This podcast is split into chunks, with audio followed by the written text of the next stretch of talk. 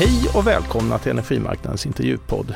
Ja, det är ju faktiskt så att bioenergi är Sveriges största energislag. Så därför känns det inte mer än rätt att vika ett avsnitt för bioenergin. Och till vår hjälp har vi Svenska bioenergiföreningen Svebios VD Anna Törner. Välkommen hit Anna! Stort tack Magnus, vad trevligt att få vara här. Mm. Innan vi kommer in på bioenergin då tänkte jag vi skulle fokusera lite på dig också då. Hur kom det sig för att du fastnade för energiområdet och vad har du jobbat med för någonting tidigare? Jag har alltid varit väldigt intresserad av miljö, energi och hållbarhet och eh, jag har en utbildning från Lunds universitet och även från Miljöinstitutet i Lund. Har gjort praktik på kommissionen och eh, har jobbat länge på regeringskansliet, senast i rollen som gruppchef för energifrågor. Också en kort session på Strålsäkerhetsmyndigheten som avdelningschef. Så att energi har alltid legat mig varmt om hjärtat. Är det något särskilt med energin som gör att det så, har hållit dig fast så att säga? Nej, men jag tycker att självklart det är en stor del och möjlighet för att lösa klimatutmaningen och det är ju den största frågan vi har. Ja men det håller jag med dig om verkligen. Vad tänkte du då när du fick frågan om att bli VD för Svebio? Jag tänkte så här, fantastiskt roligt och eh, också vilka utmaningar och här kan man verkligen tänka bioenergi som den tysta hjälten som inte riktigt framkommer i dagens debatt. Mm. Och eh, som jag nämnde så brinner jag för hållbarhet så det var helt självklart för mig och, och ta den här tjänsten.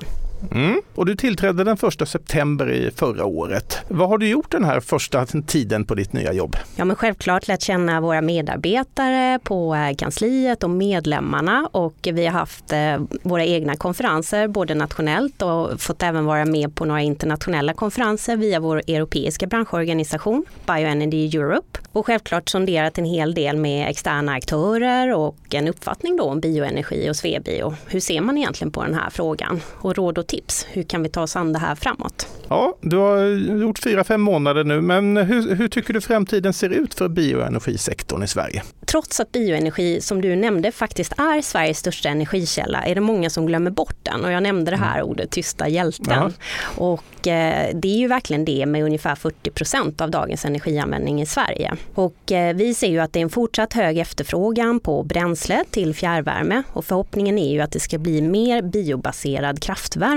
Men då vill det ju till att man får rätt styrmedel mm. och att man får betalt för systemnyttorna. Vi ser också en hög efterfrågan från industrin, eh, mycket tack vare fortsatt höga utsläppsrättspriser. Det är ju en osäkerhet kring biodrivmedel, ja. mycket på grund av ändringarna i reduktionsplikten. Mm. Vi ser en viss nytändning för pellets genom höga elpriser och nu funderar många på hur man kan ersätta elvärme med till exempel pelletskaminer. Mm.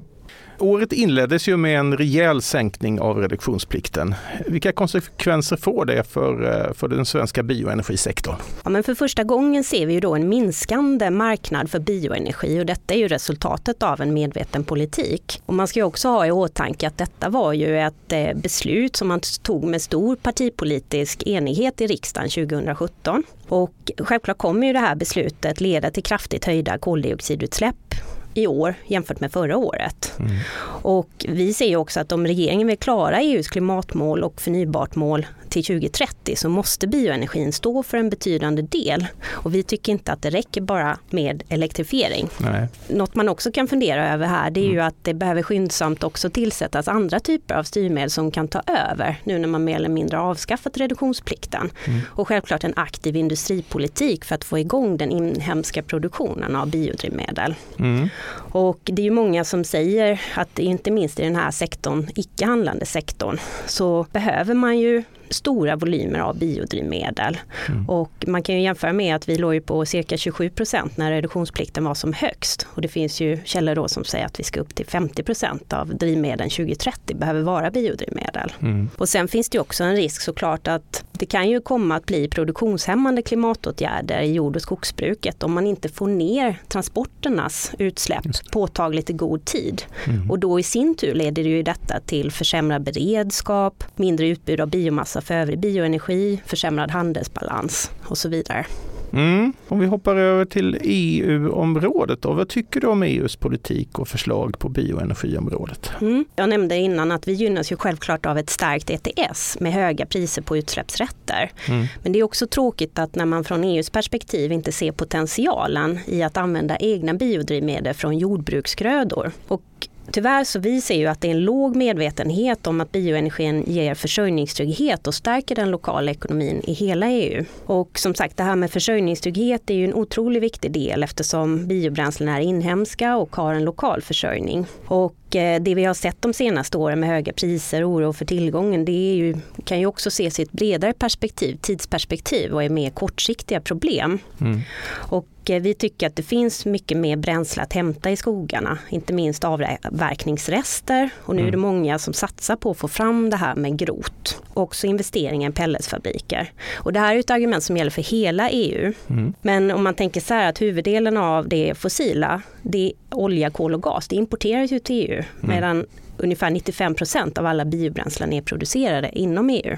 Så det har ju den aspekten också. Sen vill jag också bara nämna apropå EU att skogspolitiken är självklart väldigt viktig för biobränslebranschen eftersom huvuddelen av biobränslen är ju restprodukter från skogsindustrin och skogsbruket. Och då är det ju viktigt att Sverige och EU har en skogspolitik som är bra, både för produktionen av biomassan och självklart för miljön också. Och att det finns ju väldigt tydliga hållbarhetskriterier både för biodrivmedel och för fasta biobränslen som garanterar att de bränslen vi använder klarar av högt ställda miljö och klimatkrav.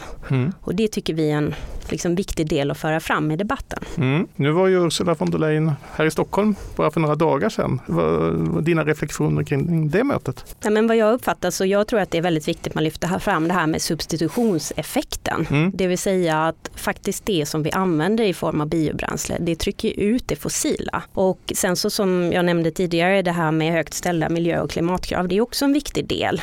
Men mm. att jag tror att det var bra att det framkom vad jag uppfattade från det här mötet med Ursula. Men igen då med vikten av substitutionseffekten. Mm. Det var väl ändå ett eh, ganska positivt möte, mer positivt än vad man skulle kunna tro. Ja, och det var väldigt bra att det, det fick ett utrymme eller ja. kom till så att säga, absolut. Ja. Hur ser du på läget med allt högre fjärrvärmepriser på grund av bristen på biobränslen? Dels vill jag lägga in en liten brasklapp här att vi som branschorganisation vi diskuterar ju inte priser framöver eh, eller kan spekulera om det. Men Självklart att det har ju varit en obalans i marknaden nu, mycket på grund av anfallskriget mot Ukraina och den energikris som har följt. Och fjärrvärme är ju fortfarande som vi ser ett mycket konkurrenskraftigt alternativ. Mm. Och prisökningarna har ju varit relativt låga under åren innan den här nuvarande prisuppgången och det var det jag menade tidigare också, att se det i ett längre ja. tidsperspektiv. Mm. Och eh, man kan ju också se det som att eh, både den här minskade råvaran från Ryssland och Belarus.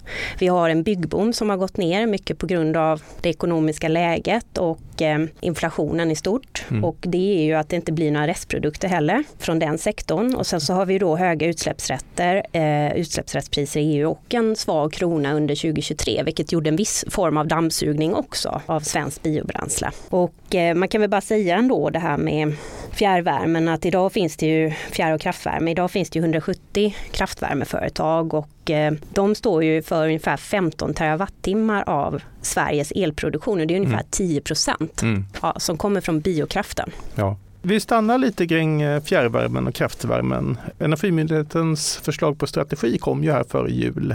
Vad tyckte ni var bra och vad tyckte ni var dåligt med den? Ja, men framförallt så tyckte vi det var väldigt mycket bra. Vi ja. välkomnar den eh, och vi ser ju att Energimyndigheten har förstått vilken stor tillgång fjärrvärmen är för Sverige och också ser värdet i att öka elproduktionen från kraftvärme. Och detta går ju också i hand med vad Svenska kraftnät har tidigare sagt. Mm. Och ett bra exempel på att bioenergi kan hjälpa till och lösa våra energiutmaningar är ju som sagt just biokraften. Och vi skulle kunna på kort sikt öka tillgången på biokraft med ungefär 1000 megawatt. Det är motsvarande en stor kärnkraftsreaktor. Mm.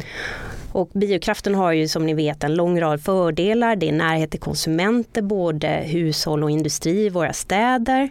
Det är små behov av att bygga kraftledningar. Det är en stabil och planerbar elproduktion, främst på vintern. Korta ledtider, det vill säga att man kan bygga ut relativt snabbt och balansering självklart av vind och sol. Och vi tycker att den här rapporten egentligen fått alldeles för lite uppmärksamhet så jag är glad att du ställer frågan här i podden. Och nu gäller det såklart att få de här styrmedlen på plats, också se till att regeringen tar till sig budskapet i strategin och den här stora frågan att få betalt för systemnyttorna.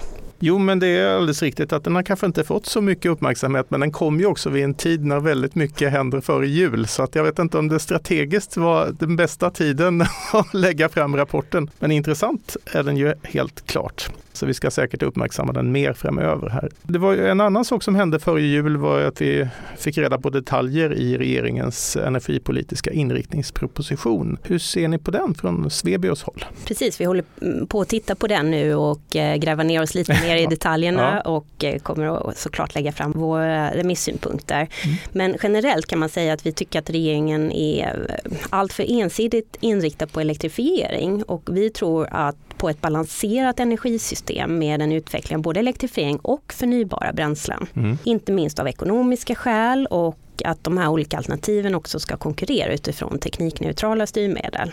Och en viktig brygga som länkar till de tidigare frågorna det är ju både mellan energi och el och värmesystemen mm. och där bioenergi och biokraft spelar en väldigt stor roll. Mm. En annan eh, händelse som inträffade före jul precis var ju den klimatpolitiska handlingsplanen. Vad tycker ni om den då? Ja, men för det första apropå det här med tysta hjälten, att den, den nämns ju, bioenergi nämns knappt alls i regeringens klimathandlingsplan. Och när det kommer till egentligen den centrala frågan eh, så tycker vi inte den centrala frågan i hur ska vi nå de inhemska klimatmålen och EUs klimatmål så tycker vi inte att planen svarar på det. Och sen ser vi också att eh, vi ser med spänning att eh, den nationella energi och klimatplanen ska ju presenteras sen i sommar och då blir det lite mer svar på tal då. Mm. Hur ska målen nås? Och det blir ju också en intressant läsning. Men några saker som vi har sett som är bra att man har tagit fram i klimathandlingsplanen det är ju att man tydligt markerar att Sverige är skyldigt att tillämpa de mål och regleringar som antagits inom ramen för Fit for 55. Mm. Det finns också tydliga ställningstaganden för bio-CCS och bio-CCU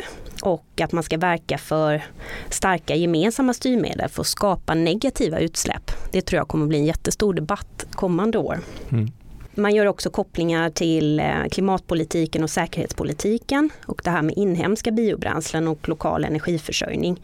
Det är också jätteviktiga medel men det sägs inte rätt ut i dokumentet. Sen är det ju det här med jordbruket och skogsbrukets roll och vi skulle gärna ha sett tydligare skrivningar om inhemsk produktion av biodrivmedel. Mm. Men några korta, liksom mer vad vi ser som problem, det är ju att man svarar ju inte egentligen på grundfrågan här.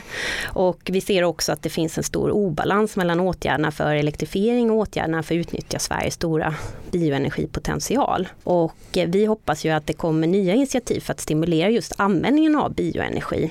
Och just utifrån sett att det är Sveriges största energikälla idag. Och vi har ju otroligt mycket spännande företag och det händer mycket just inom bioenergiteknik mm. där vi är ledande. Mm. Och en annan farhåga eller utmaning det är ju att man hänskjuter till en rad, en rad ställningstagande kring mål och styrmedel till olika uppdrag eller utredningar. Och det är klart, det ökar ju osäkerheten i näringslivet och också för de investerare som kommer att göra de här. Mm. Och det här som jag är säker på att andra branschföreningar eller företag också tar upp med tydliga mål och långsiktighet ja. och stabila styrmedel så att man slipper de här negativa överraskningarna som ett exempel med reduktionsplikten var. Vilka är de viktigaste energifrågorna just nu då om du ska sammanfatta det hela? Ja, men eh, jag tänker att det handlar ju om att tillämpa EU-politiken i de olika direktiv som finns inom Fit for 55 på ett klokt sätt i Sverige. Mm. Det handlar ju om implementeringen till exempel av RED 3, förnybart-direktivet och en väldigt konkret fråga där handlar ju om kaskadprincipen, det vill säga hur ska man använda trädet? Och sen tycker vi att en viktig energifråga är ju såklart att stärka energiberedskapen, både nationellt och lokalt i det nya säkerhetspolitiska läget vi har har. Och självklart att bioenergin kan bidra med väldigt bra lösningar här. Och Eh, att vi vill också försöka få till ett fungerande stöd för att öka produktionen av inhemska biodrivmedel från till exempel skogsråvara. Mm. Så att eh, om jag får våga mig på en liten minisammanfattning ja. att eh, ja, men just det här att vi står för så stor andel som 40 procent och vikten, den här bryggan eller löparen mellan energi, el och värmesystemet att, och kan hjälpa till däremellan mm. på ett väldigt eh, flexibelt sätt och självklart också viktigt för transport transportsektorn. Och eh, att vi hoppas ju kunna bidra mycket mer till den offentliga debatten och, och, och också lyfta fram alla fördelar och potentialen för bioenergi. Mm, ja. Ja. ja, men lycka till med det arbetet och stort tack för att du kom hit idag Anna. Ja, men stort tack själv. Tack för att jag fick komma. Och tack för att du lyssnade. Jag heter Magnus Statin, producent var Julia Siverts, ansvarig utgivare är Peter Fällman. Energimarknadens intervjupodd görs av Dagens Industri och Bonnier News.